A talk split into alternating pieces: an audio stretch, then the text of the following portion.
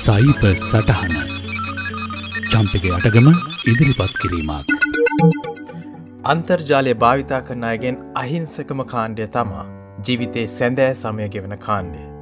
ඔවුන්ගේ ජීවිතවලට අන්තර්ජාලය පරිගණක ආගන්තුක දෙයක් වුණත් ඔවුන්ට එයි නෑත් වෙලා ඉන්න විදියක් නැහැ. බිල්පත් ගෙවන්න බැංකුශේෂය බලාගන්න ඊමේල් පනිවිට බලාගන්න වගේ දෛනික ජීවිතේ කුදු මහත් අත්‍යවශ්‍යාංගත්තය හැම දේකටම වගේ වැඩිහිටි ප්‍රජාවට සයිභවකාශයට යන්නම වෙනවා. තාක්ෂණ ගැන ලොකු දැනුමක් නැති ඔවුන්. ඔවුන් ඉදිරියේ මතුවෙන හැම දෙයක්ම ගන්නේ ඇත්ත විදියට.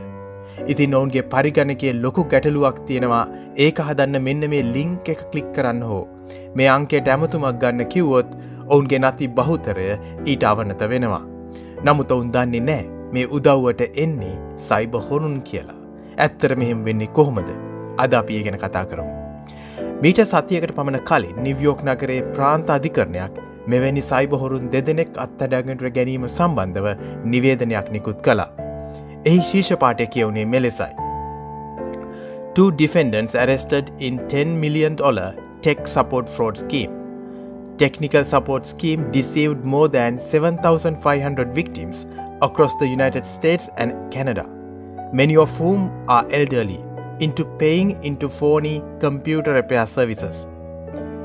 මෙන් වැඩිදුරට සඳහන් වනේ මෙලෙසෙන් අත්තඩංගටු ගත් සාමාජිකයන් දෙදෙනා ඇමරිකාව සහ ඉන්දියාව කේන්ද්‍ර කර ගනිමින් වසර තුනක් පුරාවට ඇමරිකාව සහ කැනඩාව පුරා බෞතරයක් වැඩිහිටි ප්‍රජාව ඉලක්ක කර ගැනමින් හද්දාස් පන්තියකට ආසන්න පිරිසක් රවටමින් ඇමරිකානු ඩොල මිලියන් දහයකට ආසන්න මුදලක් නීති විරෝධී ලෙස උපයාගෙන ඇති වගයි. මේ සිදුවනේ කොහොමද.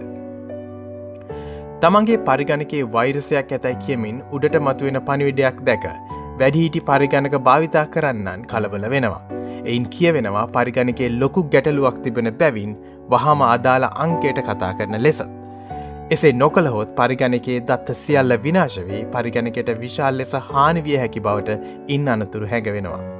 නමුත් මේ මොහොත වෙන විට පරිගණකේ කිසිම ගැටලුවක් නැහැ. අර වගේ පණවිඩ සමහර වෙබ් අඩිවලට ගිහාම මතුවෙන ලෙසින් සයිබහොරුන්ම සකස් කරලා තියෙන්නේ. මේ පනිවිඩ ඇත්ත මයිකෝසොෆ් ලාංචනය පවා අමුණා එවන නිසා බොහෝ දෙනෙක් නිරන්තරෙන් මේට රැවටෙනවා. මෙලෙසින් කලබලට පත්වෙන අය මේ හොර ටෙක් සපෝට් එකට කතා කරන විට එය ඇත්තම කෝල් සෙන්ට එකක් විදිහට මොවුන් ක්‍රියාත්ම කරන්නේ. බොහොවිට Microsoft, Apple, Google, ඩෙල් සහ HP වැනි තාක්ෂණික දැවන්තයන්ගේ නමින් ඔවුන් පෙනී සිටින්නේ. මේ අය බොහොම ඉවසිල්ලෙන් කාරුණිකව ඔවුන්ට අමතනයගේ පරිගණකයට දුරස්තව සම්බන්ධ වෙන්න කටයුතු කරනවා. මෙසේ දුරස්තව සම්බන්ධ වී පරිගණකය පරීක්ෂා කර එහි නැති ගැටලුවක් ඇති ලෙසින් පෙන්නා.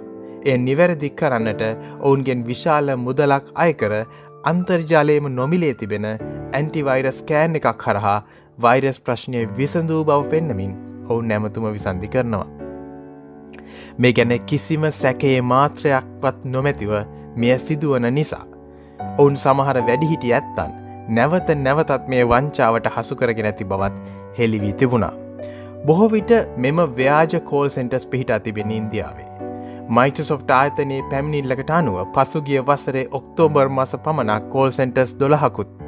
එම වස්සරෙම නොවම්බර් කෝල් සෙන්ටස් විසි හතරකුත් නීතියේ රැහැනට හසුකරගන්නට ඉන්දියාවේ පොලිසිය සමත් වනා. එනිසා ඔබට දැන් පැහැදිලි ඇති මෙය කෙතරම් විශාල ලෙස ලොවවටා පැතිරුණු සයිබ ජාවාරමක්ද යන වග. මින් වැලකී සිටිය හැක්කේ කෙසේද.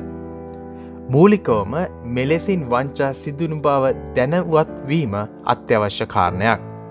එවිට එවැනි ඇමතුමක් ඔබට ලැබුණොත් හෝ එවැනි අංකයකට අමතන ලෙස පරිගණකේ පණවිඩයක් දර්ශනය වූහොත් ඉන් කලබල නොවී එය නොසලකා හැරීමට ඔබට සිහිපත් වෙනු ඇත.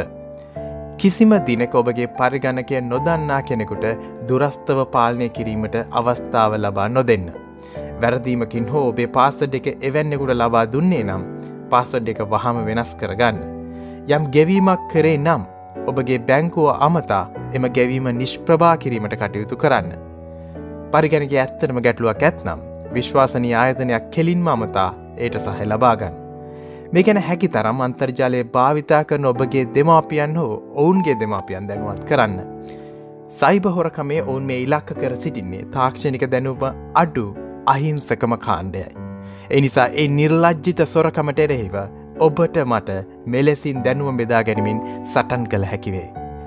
අඳුරු සයිභවකාශයට අපි එලෙසින් ආදරයාලෝකය එක්කරමු. අදත් ඔබට සයිබස්ටහන් ගෙන මම චම්පික ඇටගම්.